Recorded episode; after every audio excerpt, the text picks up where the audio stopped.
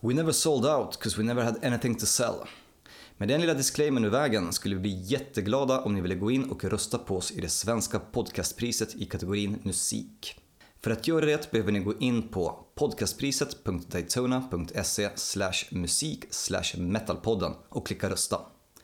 Tävlingen är igång och håller på fram till den 27 november. Man kan rösta en gång om dagen. Se till era vänner och alla som gillar oss, även fan och hans moster. Tack för oss, här kommer avsnitt 29. Fan, jag är så jävla upprörd. Det är inte på grund av ett presidentval att vi har fascister som, eh, eller nazister som eh, promenerar på våra gator i polisbeskydd. Utan det är det faktumet att jag har beställt en t-shirt från Dope Throne och jag har inte fått den levererad och det har gått över två månader. Har du mejlat dem bara och frågat? Fan Ja? Ja, jag har försökt att göra det. De är, senast jag mejlade dem så försökte jag ha ko- ha koll på var, var någonstans bandet befann sig. De verkar vara ute på någon turné i Europa. Mm. Jag tror de var ute i Frankrike, så det är väl kanske därför de inte svarar på sina mejl. Eh, för att jag har inte fått någon tracking-id eller någonting och eh, jag vet inte om felet ligger hos dem eller om det ligger hos Postnord. Och jag tror faktiskt det är senare. Men vad de har, de har skickat paketet? Det är inte så att de har bara fått- drog ut på turné och så sen är de hemma och röker en joint och har glömt bort det? kan mycket väl vara så, men nej, alltså jag har ju fått en betalningsbekräftelse och allting, men jag har inte fått någonting mer än så. Och det här Det var... Ja, ja, men vad fan, det här var ju i början av september, det var första veckan i september. Varför frågar du inte mig när du beställde därifrån? Ja, men det var en spontan grej som jag bara körde så här. de hade rea. Fan var det 10, 10 euro, tror jag, för en t-shirt. Fast rätta anledningen Förlåt. är ju att, att du kände att jag vill ha den här t-shirten med mig själv. Om vi frågar Erik, Nej, Nej, kommer jag- han också ha vi har likadant, då kan ju inte båda gå omkring i dope throne t-shirts. Ja, fast Marco har ju alla. Ja. Så det spelar ingen roll. Så då härmar jag ju honom. Eh, nej, men det var ju inte ens det motivet som jag ville ha, utan det motivet som jag verkligen ville ha, Huchelaga-omslaget. Det var ju... Eh, ja, det var ju, det var ju slutsåld i min storlek. Så jag fick ta det näst bästa. Mm. Men jag vet inte, jag ska fortsätta jaga på dem. Alternativt så ska jag skicka ett brev till Postnord och be dem dra åt helvete. Vilka jävla inkompetenta as. Ja, gör det. Fan vad skönt att få, få det där off my chest. Mm. Bra, då kör vi. Jag lider med dig.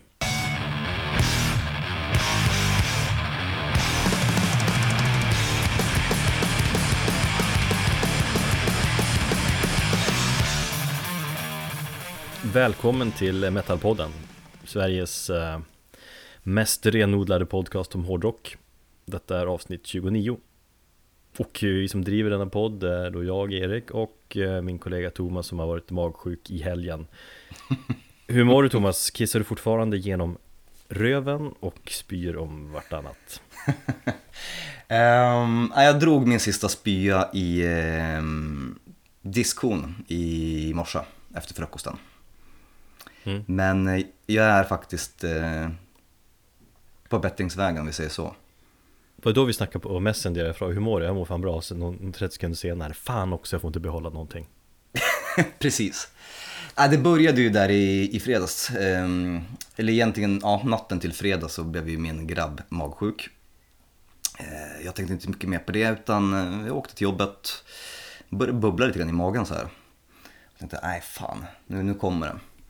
Och jag, så här, vid tvåtiden så gav jag upp. Bara, nej, nu, nu känner jag att det, någonting är på G. Jag har aldrig varit så koncentrerad på ett tåg över att inte skita ner mig och kaskadspy på 60-åriga tanter bredvid mig. Fy fan vad jobbigt. Var det så att svettpärlorna på pannan och paniken? Ja, ja, absolut. Jag stängde av musiken och så bara fokuserade blick rakt fram och så bara tänkte jag så här. Jag har klarat en sekund, jag har klarat en till sekund. Nu kommer nästa station, en station till. Och precis när jag kliver av vid Jakan hinner jag gå några meter. Så drar jag tre stycken spyor. Oj. Så kommer jag hem och däckar. Eh, några timmar senare så eh, åker tjejen på det. Och eh, jag blev ändå, vid 9-10 på kvällen där så blev jag ändå relativt pigg. Jag hade hamnat i, eller jag fick någon sån jävla superfrossa och typ 40 graders feber i, i fyra timmar. Jag låg och bara totalt, eh, jag vet inte, jag var helt borta. Varenda liten cell i kroppen gjorde ont och jag hittade ingen position att ligga. Att jag yrade om Scooby-Doo och strypsex enligt min tjejra. Jag vet inte vad det var jag höll på med. Eh, men där vid nio på kvällen så helt plötsligt så började jag må bättre. Och då hade ju hon däckat. Totalt. Och grabben höll ju på vart om vartannat. Så, så hela lördagskvällen så höll, höll vi på sådär och sen så försökte vi få i oss någonting på, på lördag morgonen. Men det kom ut ur alla hål och kanter. Hur fan, alltså den magsjukan det är ändå den värsta av sådana här vanliga sjukdomar. Man har ju hellre feber och sånt där ju. Ja. Alltså det, det som är bra med, eller det som är bra, det som är skönt är att det går över relativt snabbt. Det är att man går ner i vikt, tror jag du skulle säga. precis. Jag brukar göra det med, med jämna mellanrum bara för att behålla min fina form. Mm. Eh, ja, det är inte det jag behövde med tanke på min slinda lilla kropp som jag har. Eh, nej, men vi har väl börjat få tillbaka aptiten här. Men eh, det bubblar fortfarande i magen hos min lilla grabb så att eh, jag har faktiskt bokstavligt talat torkat bajs från väggar och golv och spya under den här helgen. Så där har ni lite grafiskt hur min helg har varit. Jävligt deppig. För mig har det varit eh, tvärtom nästan. Du... Men vad härligt. Men det har varit en, en, fin helg. Det har varit lite snö och väder i veckan, så nu har det varit sol och fint. Bara vi pratar väder där. Men det, det är en, för mig är det en ganska spännande tid just nu, eller ytterst spännande tid. Ett band som heter Metallica släpper ju sitt nya efterlängtade album på fredag. Mm. Jag blir så jävla konstig då. Jag känner mig som 14 bast igen och jag känner liksom peppen som pulserar i blodådrorna, bokstavligt talat nästan. Ja, det märks det ju. Att, ja, det märks att du verkligen är peppad för det skiner igenom i, i det mesta du skriver just nu. Ja, jag vet. Men jag, jag, känner mig nästan löjlig, men så, så har det varit i stort sett alla alla Metallica släppt de senaste 20 åren. Faktum är att om man kollar tillbaka 20 år bakåt, då var det ju Load som släpptes. Eh, ja, just det. Och då kände jag likadant. Och då var jag ju, då var jag just 14 bast också och skivan släpptes typ 3 juni, jag fyllde år 11 juni, så det var veckan innan jag fyllde moppe. Så vi cyklade in där till Östmans musik i Övik eh, som hade öppet vid midnatt, så var jag först in av alla och köpte Load. Och bara, vilken jävla besvikelse sen, eller hur? Nej men sen på skolan dagen efter, hallå du Erik, det var inte så bra som du trodde va? Så här, men jag tvingade på mig att, låten Ron är ju kung. jo men jag gillar ju Load ändå, det har vi pratat om. Och du Absolut. gillar också Load. Men jag var så, ja. även 2003 när Saint Anger släpptes, då var jag också i, då bodde jag i Umeå, då åkte vi ner till Övik för då skulle Östmans, Östmans musik öppet igen. Eh, och då var jag först av alla vid midnatt där och köpte den också. När Death Var du först in i butiken då? Ja, precis. Mm. Först in i butiken, både 96 och 2003. Och senast när det begav sig för typ 8-9 år sedan där Då satt vi på Harry James Faktiskt och drack öl där vid midnatt när de började spela skivan efter 12 Så att jag gillar att göra en stor happening Men vad, spelade personalen där? Mm. Plattan? Hade de fått tag på den i förhand? Ja, det var någon grej Den Metallica ah. happening-grej eh, Så att jag gillar att göra en stor grej av den när de släpper ett nytt eh, album Typ varje decennium Faktiskt ja. är Bengan så öppet nu på torsdag vid midnatt Så en del av mig är sugen på att liksom åka dit Men eh, nej det kanske inte blir så. Men på fredag kör vi ju gäng hem hos mig. Lyssnar på vinylen och dricker öl innan vi beger oss ut i Stockholmsnatten och dyrkar Metallica. Då hoppas jag att du är sugen på att hänga på. Eh, Absolut, jag hoppas att kunna göra det. Jag vill, jag vill se dig bli full och, och, och skråla och, och sjunga. Yeah! Yeah! Mm. Men eh, skivan har ju spridits nu på nätet eh, och finns att eh, ful tanka ner om man känner att man vill vara en pirat och göra det. Eh, jag kommer ju avvakta tills fredag eftermiddag där vid middagstid när jag och polaren Kristoffer som kommer ner. För nu har jag fått i oss två bärs var och innan vi liksom Innan man släpper ner nålen på vinylen. För det är så som man gör, man ska ju vänta tills det är releasedag. Det är högtidligt. Det är religiöst. Ja, för en eh, musiknörd som dig, absolut. För en hårt arbetande musikrecensent som får skivor i förtid så är det svårare. Men eh, jag kan förstå att det är högtidligt för dig. För mig så är det inte högtidligt. Dels för att jag får alltid skivor i förtid. Och dels för att jag inte har den här samma traditionen och jag inte har någon vinylspelare. Men kan du, för jag tänkte fråga om det, kan du sakna det? det att liksom har du gjort det? Vänta verkligen tills skivan släpps? Nu är det liksom, du är ju som sagt som musikjournalist är du ju rätt van med att alltid höra skivor långt i förväg mm. Men kan du känna något nostalgiskt kring det? Att liksom Vänta på fredag släpps skivan, åh vad jag längtar Ja, ja, för fan alltså när, när jag var tonåring och bodde i Västerås och Jag minns ju till exempel när jag jagade äh, Opeths äh, Damnation mm. När den kom och den var försenad i skivbutiken och den kom inte på release Men jag har för mig att den skulle släppas någon gång där i april 2002 eller om det var 2003 Eh, och jag jagade liksom den och du vet, man hade såna höga förväntningar efter att ha hört först Deliverance. Och så ville jag liksom bara åka iväg, köpa plattan, åka hem, liksom lägga mig i mitt rum. Dra i CD-skivan och liksom, dra upp buckleten och lyssna. Liksom. Jag gjorde alltid en högtidlig grej av alla plattor jag köpte då. Eh, däremot så har det ju gått så lång tid med den ynnesten jag har i, i och med min, mitt arbete att jag har totalt dödat den känslan, vilket är jävligt tråkigt. Men kan du inte liksom bestämma dig nu som denna gång kanske att verkligen se fram emot fredagssläppet och, och om du nu hakar och invänta avvakta in i det sista med att höra skivan Om du inte redan har hört den?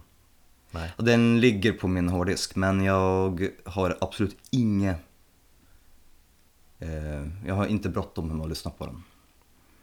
Mm. Så att absolut, det skulle jag kunna göra. Däremot så, och det här är kanske lite en annan grej också. Att I och med att man jobbar med musik på det här sättet så har den här, hela känslan har försvunnit så att det spelar egentligen ingen roll vilken platta det skulle vara eller vilket band. Även om det var mitt, mitt favoritband så skulle jag nog inte kunna känna den här högtidligheten på samma sätt som dig. Så där har du någonting som jag faktiskt har eh, saknat väldigt länge. Mm. Eh, ett exempel kan jag ju ta, eh, Deathspell Omega släppte ju sin nya platta, eller Synarchy of Molten Bones. Nu är jag osäker på om den släpptes i fredags eller om den ska släppas i fredags. I vilket fall som helst så fanns det ju tillgängligt för streaming på deras bandcamp. Mm eh, innan som bandet själva liksom gjorde tillgängligt. Och då kände jag bara, men jag satt på jobbet, det första jag gjorde var att gick in och lyssnade på den. Jo men det är en annan sak. Alltså regeln säger ju så att om bandet själva släpper den, oftast brukar de ju släppa någon dag innan eller en vecka innan eller sånt där för att få upp ja. suget. Det kan ju bero på hur stort band det är också men Och då är det okej. Okay. Om liksom bandet själva, skivbolag själva pushar och släpper saker. Där är ju, men liksom att lyssna i förväg när den inte är officiellt släppt. Det är det som är fel i sånt här ja. läge. Ja, eh, i mångt och mycket så försöker jag vänta så långt eller så nära releasedatum som det går. Eh, för din skull så kan jag absolut avvakta med att lyssna på Metallica. Mm. Ja, jag har så... ju jag har ju läst lite på forum i helgen. Nu finns väl skivan ute i bra kvalla, men jag har ju läst Eller från början var det de första versionerna som släpptes var, var visst rätt usel kvalla och då blir jag förbannad. När man lyssnar på en låt första gången vill man ju ha så bra kvalla som möjligt. Utan de det var inte på Lars Ulrik, Ulriks trumspel då? Nej, mm. utan det var bara sämre kvalla. Nu i och för sig kommer jag ihåg att uh, inför Reload då hade en polare lyckats ladda ner Unforgiven 2 i usel mp3-kvalla från nätet. Mm. Men då var internet så nytt så jag tyckte det kändes coolt. Då spelade han upp låten till mig med usel kvalla över telefonen och det tyckte jag var svinbra. ja. Men det var ju eh, då. Nej men jag, jag håller med dig absolut. Man måste ju lyssna på en platta är, eh, alltså i, i bra kvalitet. Mm. Men eh, så, jag, jag satt uppe i natt och fick eh, fnatt För att eh, rimma lite här. Eh, Uppe till typ klockan två så jag läste på Metallicas forum, olika Reddit-forum eh, På folks åsikter om skivan. För majoriteten verkar vara rätt lyriska faktiskt.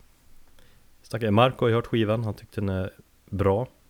Mm. Riktigt, riktigt bra tror jag han skrev, bara det säger ju ganska mycket För han är väl inte så här superstort Metallica-fan. Nej, han var ju rätt neggig. Ja, men han tycker det var bra eh, Lite för lång platta möjligtvis tycker väl många. Och sen Sen så är det nästan löjligt vilka superlativ de beskriver avslutningsspåret eh, Spit out the bone med.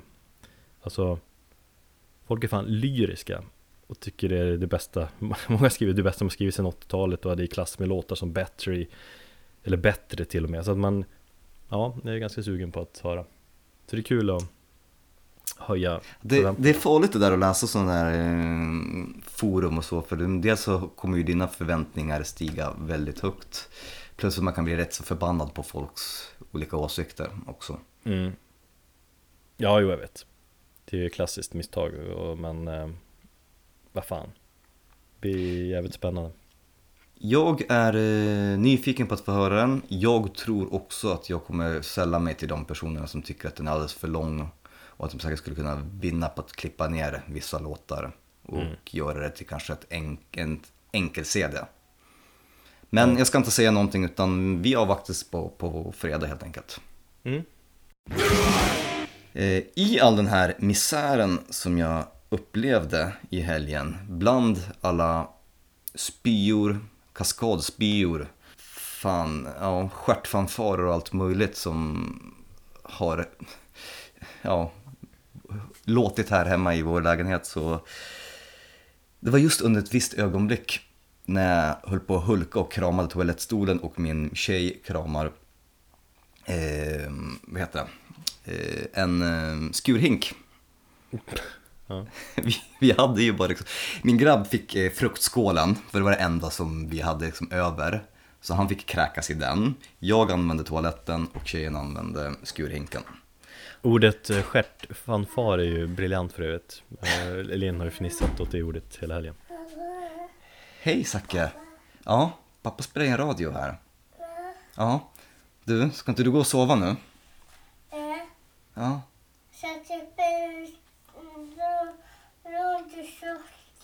ja, men gå till mamma du så kommer hon kunna läsa lite grann för dig. Ja, men du kan ta, du kan ta med dig motorsågen där. Ta med dig motorsågen och gå till mamma med den. Så. Ja, ta den. Gå till mamma med den.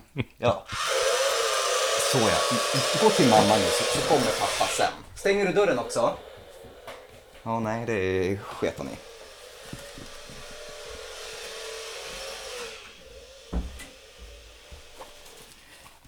Ja.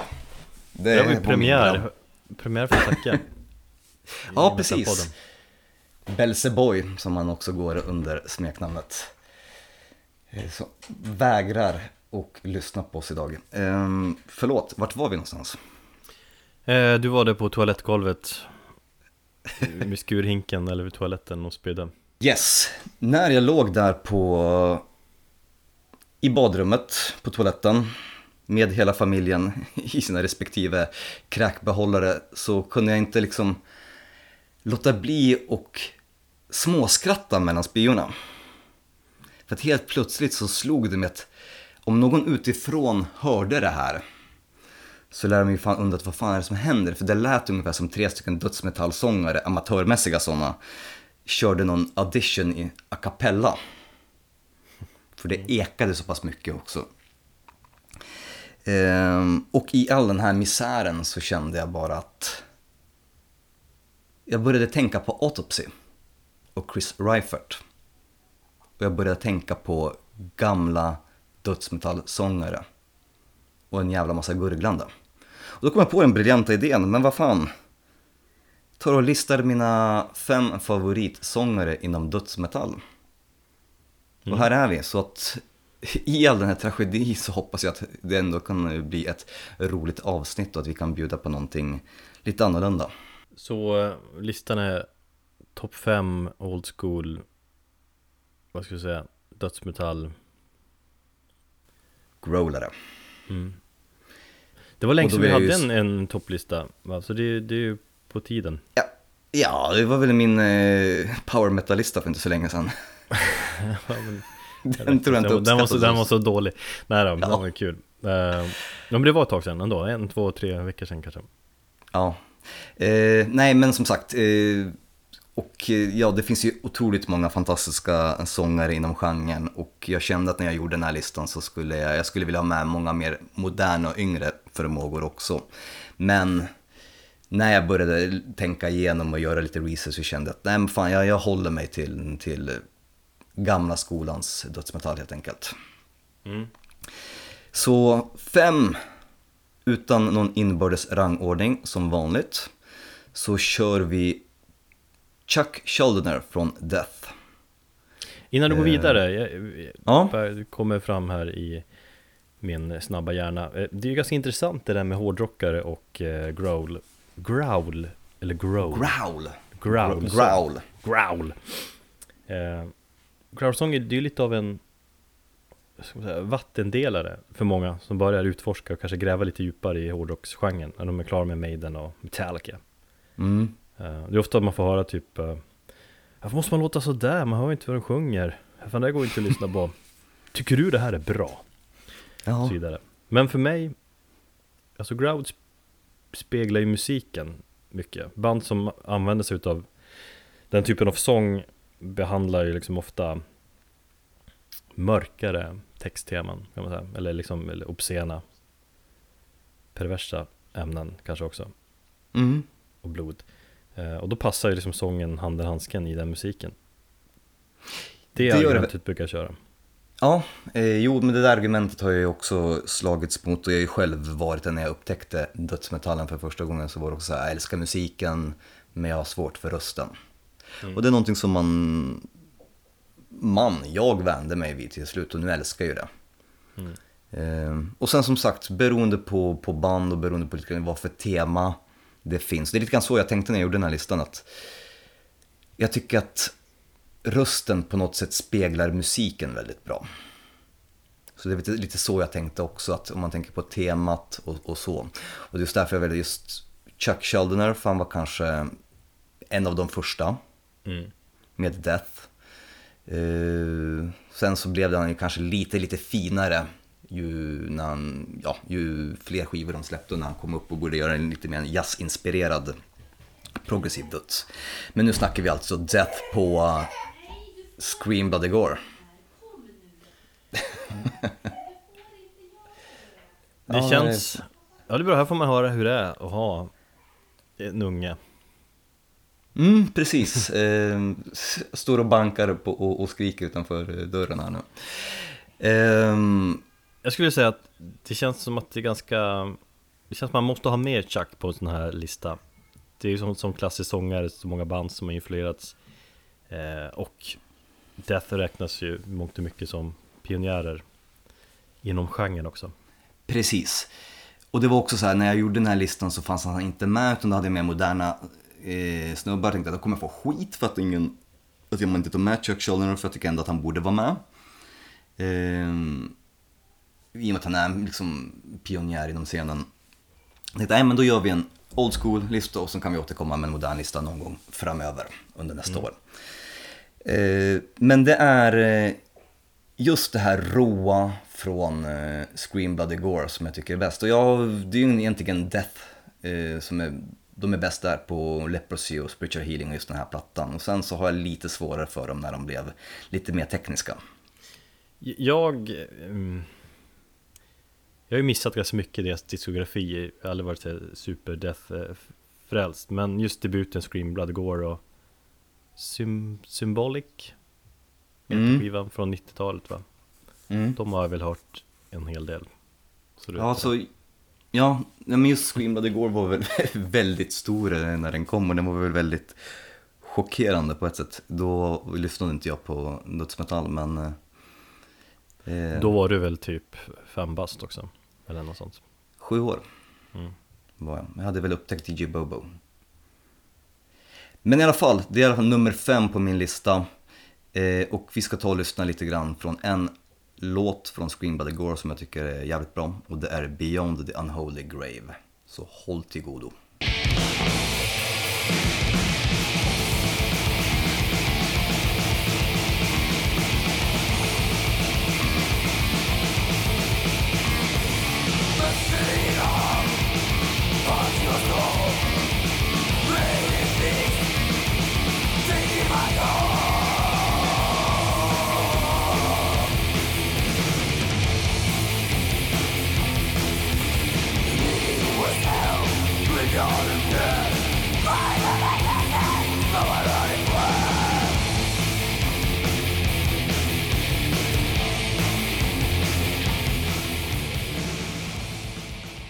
Argument för eh, varför det är så jävla ballt Det är ju ur ett rent tekniskt perspektiv Det är fascinerande med duktiga growlsångare tycker jag eh, Man måste ju se det ur, ur, den- ur den vinkeln också Ja, med tanke på att det är en...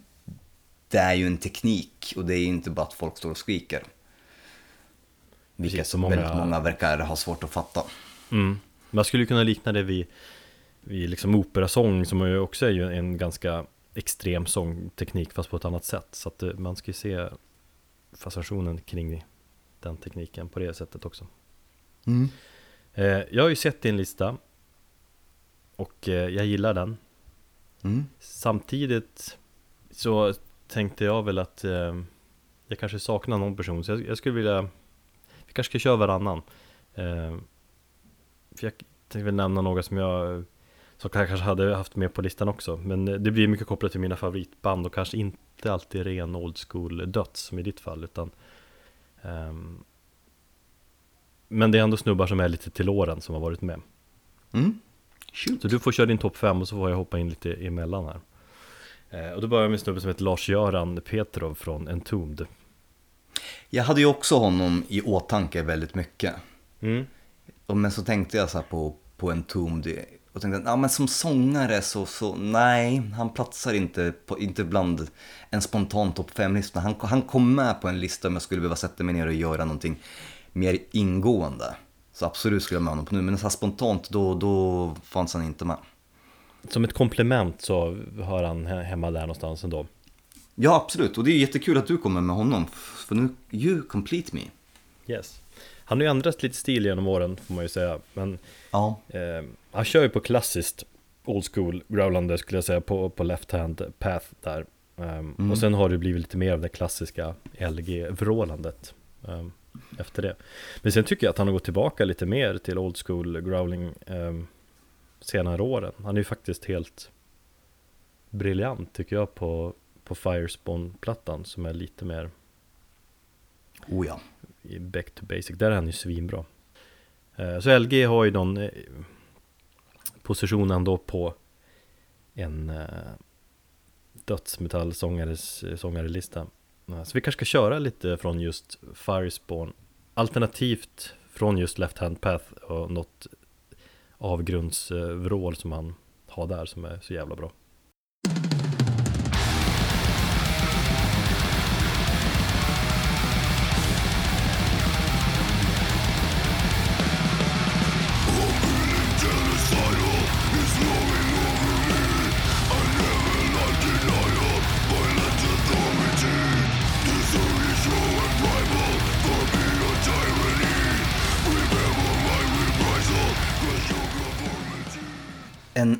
Person som platsar på den här listan, eller på min lilla lista, och som egentligen, om vi nu hade haft någon inbördes rangordning så skulle jag nästan sätta honom på nummer ett. Men nu vill jag inte göra det, för att jag tycker att alla har sin unika touch. Men det är Chris Reifert från Autopsy. Och det var ju honom som jag hade i åtanke när jag låg där och hulkade. Um, han har det här riktiga gurglandet som jag gillar. Och det, det, det finns en nyansskillnad bland många dödsmetallsångare. Att vissa kan låta hårda ha ett gutturalt, eller ha ett bara vet, till exempel ta Mikael Åkerfeldt som jag också har på min lista. Han har ju mer ett mörkt, ondskefullt läte som är lite mer rent. Men så finns det ju de här dödsmetallsångarna som har Ja, ungefär kanske som eh, Corpse Grinder också från Cannibal Corpse har det här gurglandet i halsen. Där man hör hur liksom salivet och, och spyan står upp i halsen på dem när de sjunger. Och jag tycker att Chris Reifert gör det så jävla snyggt. Och på senare plattor så är det så jävla, han är så artikulativ i, i sin sångstil också att man, det är dels både gutturalt men man hör väldigt tydligt vad han sjunger. Det är väl det som gör han i så fall unikt, inte jag då analyserat hans sång så, men när du beskriver det gutturala så brukar problemet för mig vara att alltså, jag föredrar growl där man hör lite tydligare orden. Ja, absolut, jag också. Så ta till exempel den här eh, brutal death metal som till exempel band som Deranger där de egentligen bara går ner så pass djupt i, i det här vokala registret att det, man hör ingenting utan det är bara liksom ett muller. Mm. Den har jag absolut ingenting för för att dels så har jag inte texterna eh, och dels så tycker jag att det blir, det blir lite larvigt. Men det ska vara, en, det- ska finnas en liten finess i, i, i sångstilen. Jag gillar, alltså det blir exakt, exakt det du beskriver eh, Jim Carrey där har ju någon jättegammal sketch där han driver med Fast det är väl Cannibal Corpse han driver med då? Eller vad? Eller Eh, Death? ja, Napalm men det är Death na- är det va? Nej Ja, men men han, han han- driver med, det finns någon, han är med i någon talkshow och han snackar eh, Napalm Death Men i eh, Pet Detective tror jag det är Cannibal Corpse som lirar va? Precis, Så är det ja. Det såg jag faktiskt det klippet här i, här i helgen också. Jaså?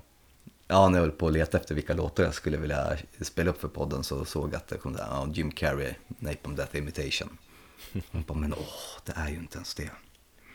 Nej Men det är ändå roligt Ja, Och det blir ju Nej, lätt men- att driva mer på det sättet Ja, men Chris Reifert eh, tycker jag bara blir bättre och bättre och jag eh, har i synnerhet fastnat eh, för eh, Autopsy under senare år.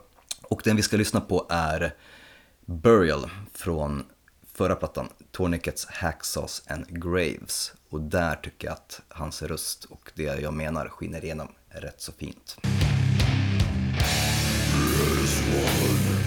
Då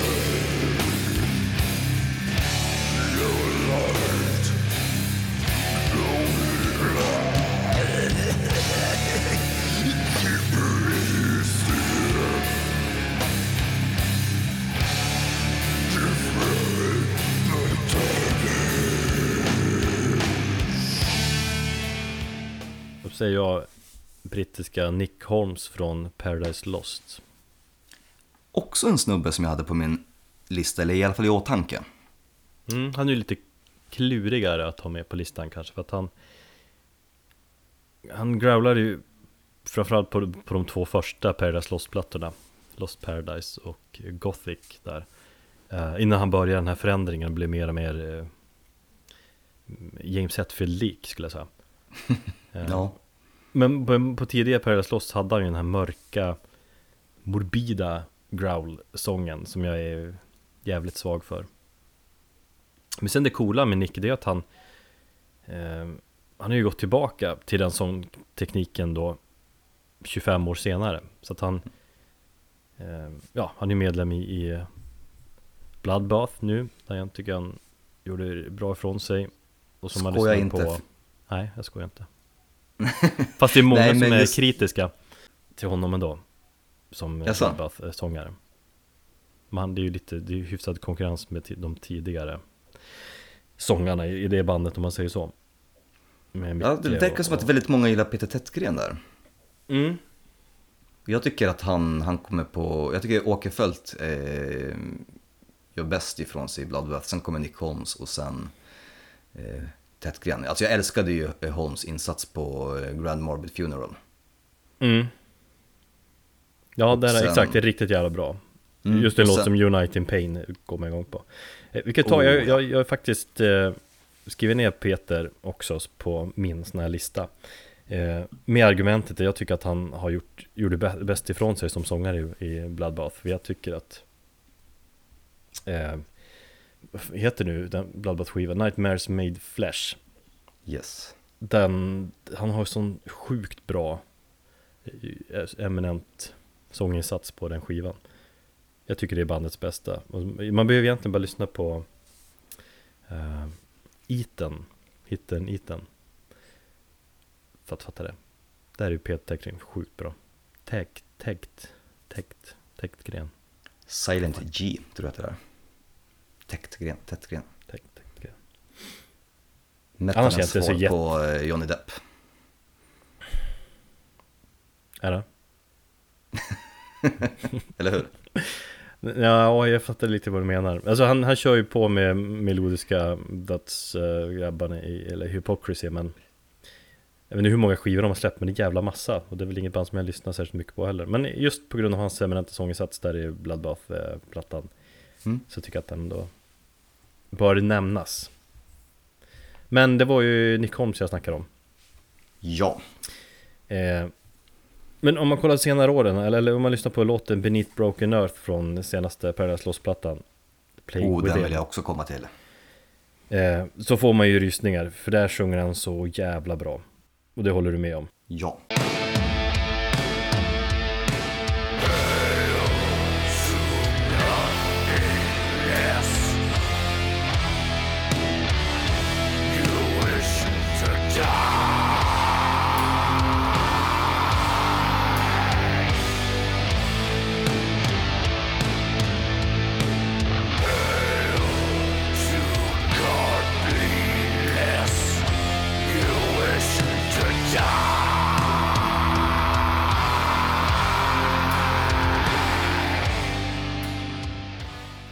Vi var ju redan där och eh, snuddade vid honom. Men det är Mikael Åkerfeldt och han kanske är lite grann av en wildcard på den här listan.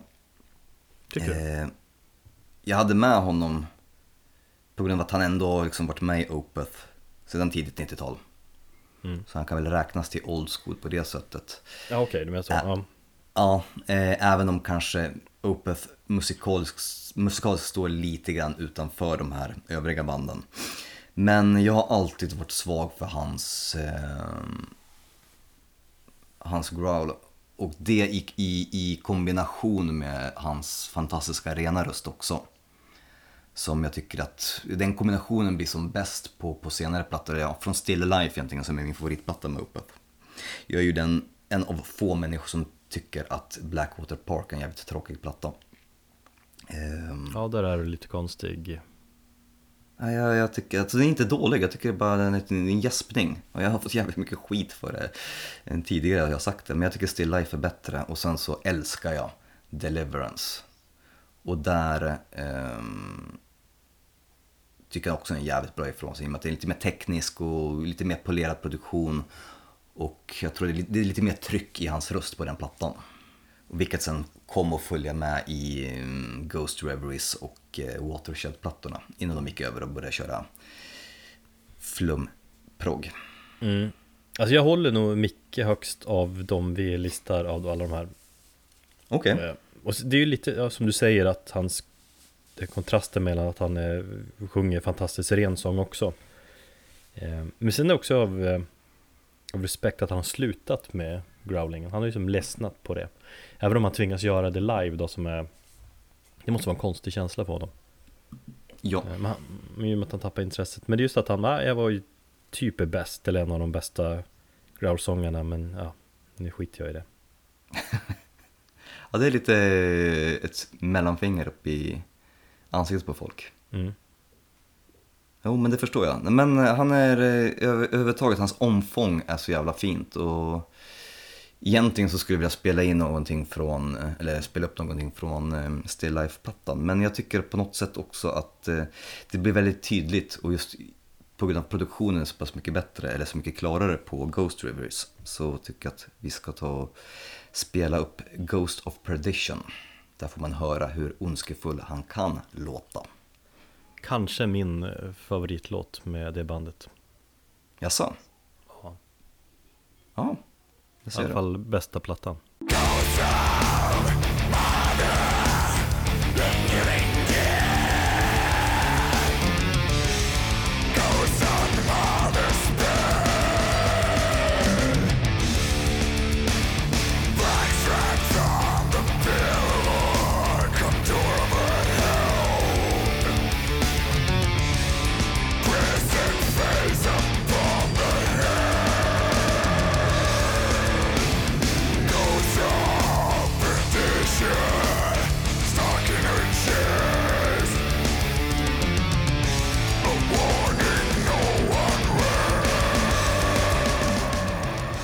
Tompa Lindberg, den glade. Den glade. Ja, och ännu en tredje person som jag också hade på den här listan.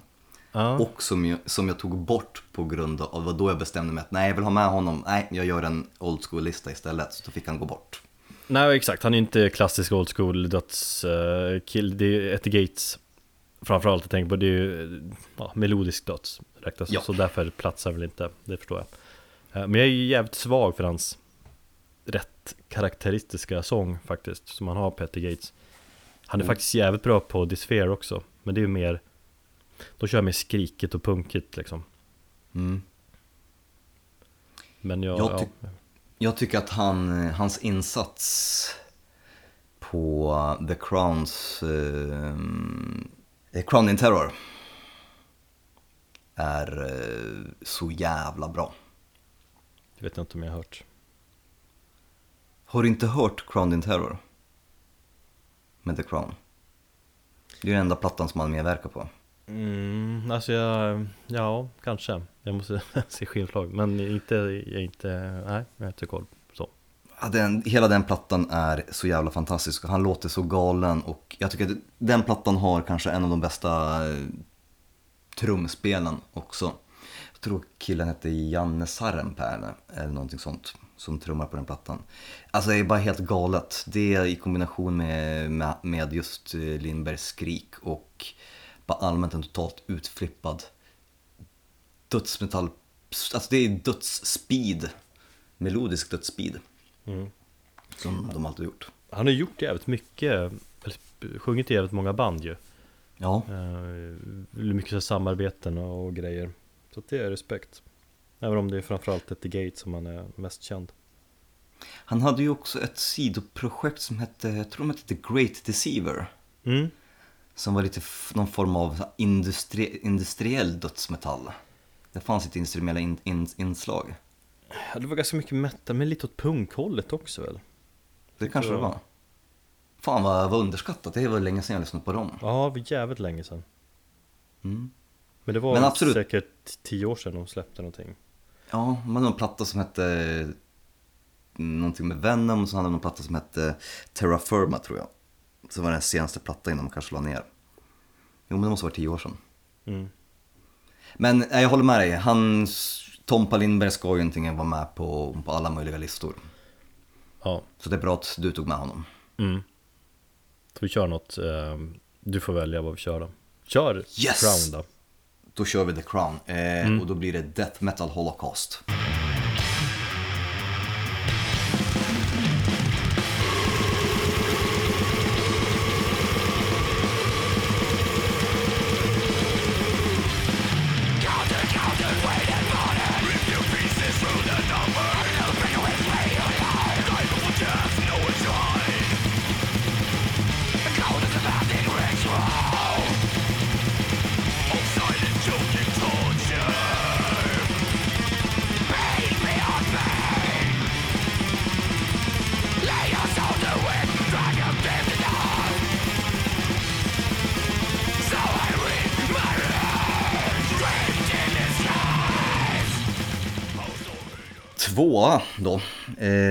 Det är Carl Willets från Bolt Thrower.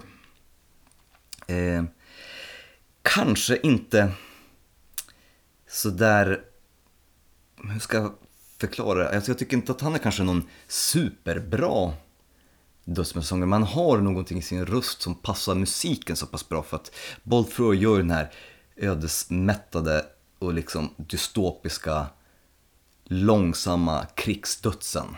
Alltså ja, man får ju verkligen upp en mental bild av liksom ett utdöende la- landskap med, med skyttegravar och bara lik överallt och pansarvagnar som kör över. Om Sabaton hade kört dödsmetall? Nej. Ja, precis. Ehm, nej, du får inte ens nämna Sabaton i samma andetag som Bolt Thrower. Ja men jag ville göra det, kändes kul. Jo, jag förstår det. Men de kör inte med kläder. Nej, det är de inte. De eh, är så otroligt oposöriga så att eh, det finns inte. Ja, ett band som jag i alla fall har lagt ner nu, vilket är jävligt tråkigt, men det var kanske väntat med tanke på att det egentligen inofficiellt hade de ju lagt ner förra året. Mm. Men jag fick aldrig se dem live. Det fick du? Nej. Ja.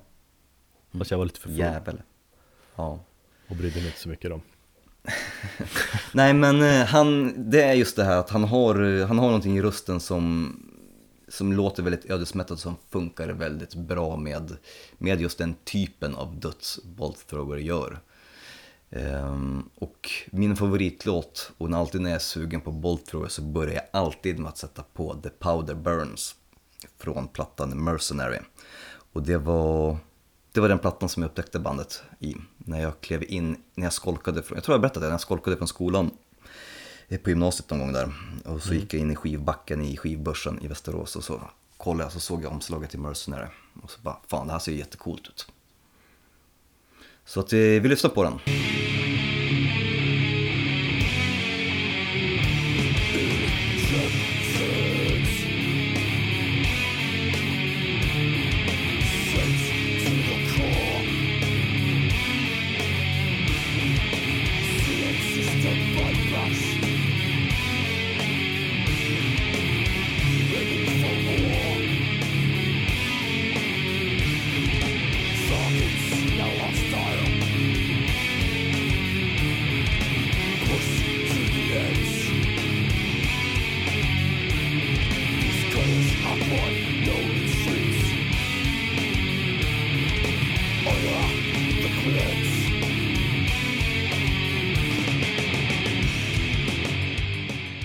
Avslutningsvis för mig då så får du ta första platsen, din första plats efter det då. Yes. Eh, Så har jag en liten joker här, eller en liten va, otippad snubbe kanske, men säger jag Randy Blythe från Lamb of God. Eh, Nu spelar ju inte Lamb of God direkt dödsmetall. Eh, Bandet skulle väl snarare kategoriseras in i det där spännande facket groove metal. Groove. Groove, eller Pantera metal kanske passar bättre. Ja, säga, i, i kanske. längden blir ju- bandet ganska tjatigt på skiva och sånt där, men vissa låtar så tycker jag att han, eller tycker jag det är ganska briljant, att han är ganska briljant. Som en låt som eh, Set to Fail till exempel, där är ju Randy jävligt kraftfull snubbe, sångmässigt och så. På deras hit så imponerar han. Kan du hålla med mig något om det? Inte någonstans. Nej. Ja, min inställning till Randy Blythe är att jag tycker att han är en ganska katastrofal sångare på alla sätt och vis. Eh, hans sånginsatser, de här cleana sånginsatserna som han gjorde på senaste plattan. Ja, det Eh, var... Ja men de tyckte jag var, var, var bättre, jag, jag föredrog dem. För att jag tycker, förlåt men, jag tycker han låter lite för mycket som en hund. Det är för mycket bjäbbande och det är onyanserat och det är odynamiskt och jag, jag blir trött efter två, tre låtar. Någon enstaka låt visst som man har i bakgrunden kan jag, kan jag köpa. Men att lyssna igenom en platta med Lamb of God och med honom, det, jag, jag, jag har aldrig lyckats göra det. Och jag tycker inte Lamb of God är ett speciellt bra band heller. Jag kan tycka, eller som jag sa också, att, och jag håller med, men på skiva sådär, en skiva rakt igenom så blir det väldigt odynamiskt och sådär. Eh, men när de, deras hits tycker jag kan vara ganska feta. Och det är ju någon, i och med att jag är så jävla svag för, eller och älskar, och älskade Pantera, så det är inte så många band som kör den stilen riktigt. Du gillar Det- grovet. Ja, jag gillar groovet. Ja men det kommer folk, eller jag träffar folk med jämna mellanrum eh, i livet som, som på något sätt försöker få mig att gilla Lamb of God och det händer med så här femårsintervaller. Men jag har faktiskt inte lyckats. Nu har de ju varit med ganska länge också, så det känns som att tåget har gått lite där för dem. De har haft sin, sina tio år sådär, att kunna göra ja, precis. Men däremot vill jag säga att jag tror, jag tycker att han är, verkar vara en helt fantastisk person och det är all heder till honom hur han skötte hela den här incidenten när han satt fängslad i Tjeckien. Mm. Och sättet som han bemötte eh, rätten och alltså det är, fan det, är en, det var en inspiration, jag, alltså jag följde det så jäkla noggrant. Sättet hur han bemötte familjen, hur han stod rakryggad, rakryggad i rätten och förklarade situationen och visste liksom att om han bara liksom kör raka kort och står för det han, han gör så kommer han gå segrande ur det här. Vilket han uppenbarligen gjorde. Eh, sen så verkar han ju vara en bra författare och han eh, mm, verkar vara en väldigt duktig fotograf. Ja, man har fått jävla mycket respekt för honom efter allt som hänt och, Mm. och bara nu senast när han hoppar in och körde med eh, eh, I hate, I hate God. God. Precis. Så det Eh, gjorde och bra från sig han är ju jättestort I hate God-fan också så att eh, det är någonting som jag är nyfik- mer nyfiken på, att se hans insats i det bandet. Bara Mm. för att höra hur det, hur det låter. Jo men jag har tittat ner klipp så det, det är fan coolt Men vad jag har för mig att han, i alla fall under tidigt 2012, så han var ju både rätt så knarkad och alkoholiserad människa som alltså betedde sig som ett svin. Jag tror inte man har sett något klipp när han håller på och bråkar med och, sp- och jag vet inte om han hamnar i någon knyt, knytnävsslagsmål med någon annan känd eh, metalsångare. Det har jag missat Ja, det, det, det finns några historier så här eh, om honom. Så jag tror att han skärpte sig där efter ett tag och därför är det ännu mer heder till honom hur han, han liksom vände på sitt liv och kastade bort drogen och alkoholen och blev en rakryggad människa utan att ha funnit Jesus eller någonting annat. Utan att han bara tog sig själv i kragen. Mm. Och började läsa. Han läste jävligt mycket böcker tror jag i fängelset. Så han är en bildad man. Och eh, kraftfull eh, growlsång i, eh, då och då Som inte du gillar men som jag kan gå igång på som fan ibland i, i här små doser Eh, så vi kör lite just den låten Set to Fail från 2009 tror jag den kom va? Wrath-plattan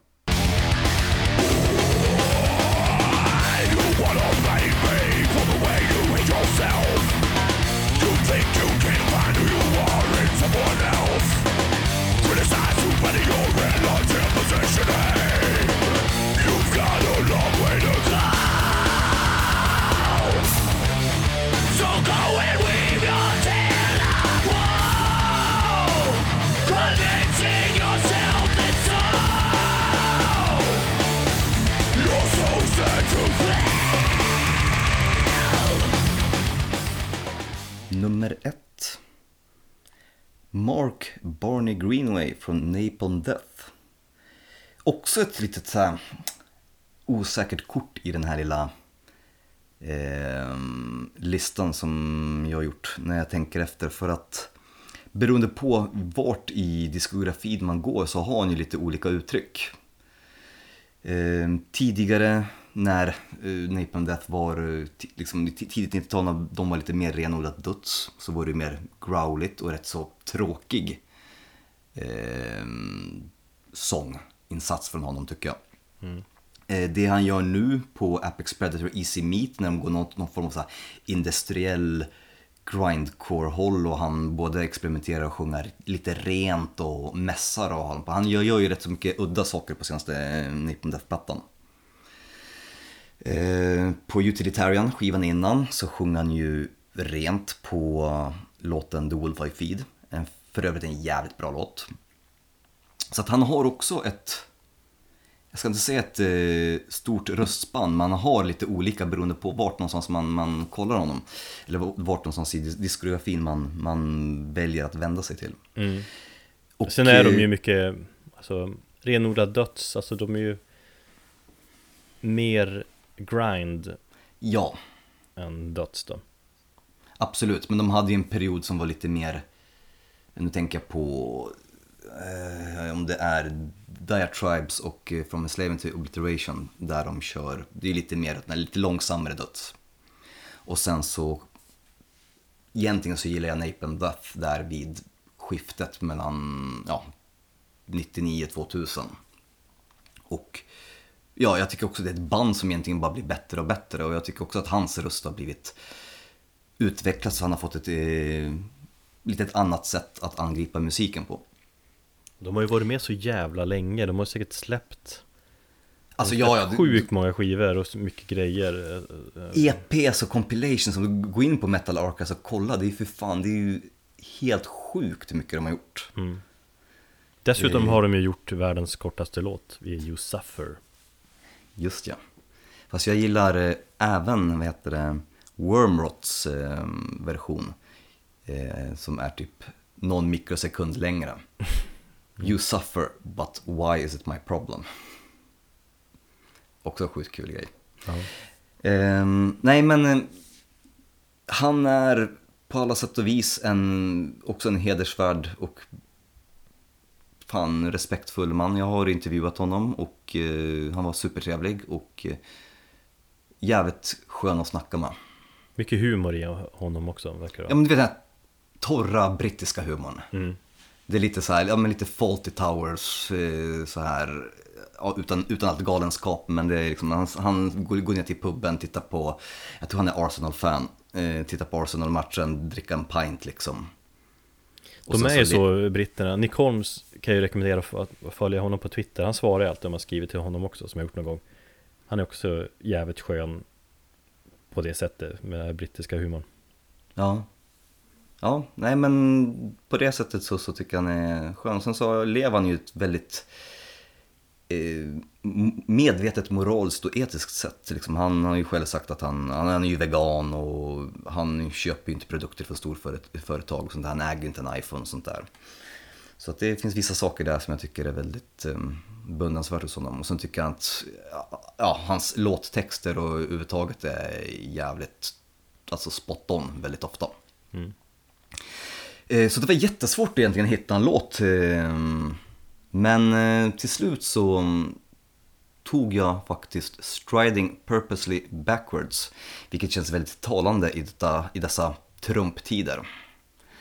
Eh, låten kommer från plattan The Code is Red Long Live the Code från 2005. Så ja, håll till godo när Mark kör sitt mer grindcore-skrik än dödsmetallskrik. Och han låter så jävla förbannad, vilket jag älskar. Han låter på riktigt sagt upprörd. Och det är också en annan sak. Tittar man på honom hur han ser ut som människa, liksom vanligt, så han ser ut bara vara en vanlig, liksom tråkig, eh, vet jag, administrativ kille som jobbar på en kon- kontor.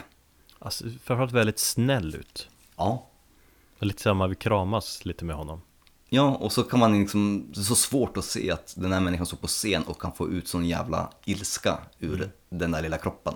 Mm. Men Napalm Death, jävligt bra band. Eh, ska vi avsluta podden med det här? Ja, det ska vi Då tycker jag vi kör Striding Purposely Backwards så kan vi försöka att sträva framåt istället. Och eh, till nästa gång, ta hand om er. Och tack för att ni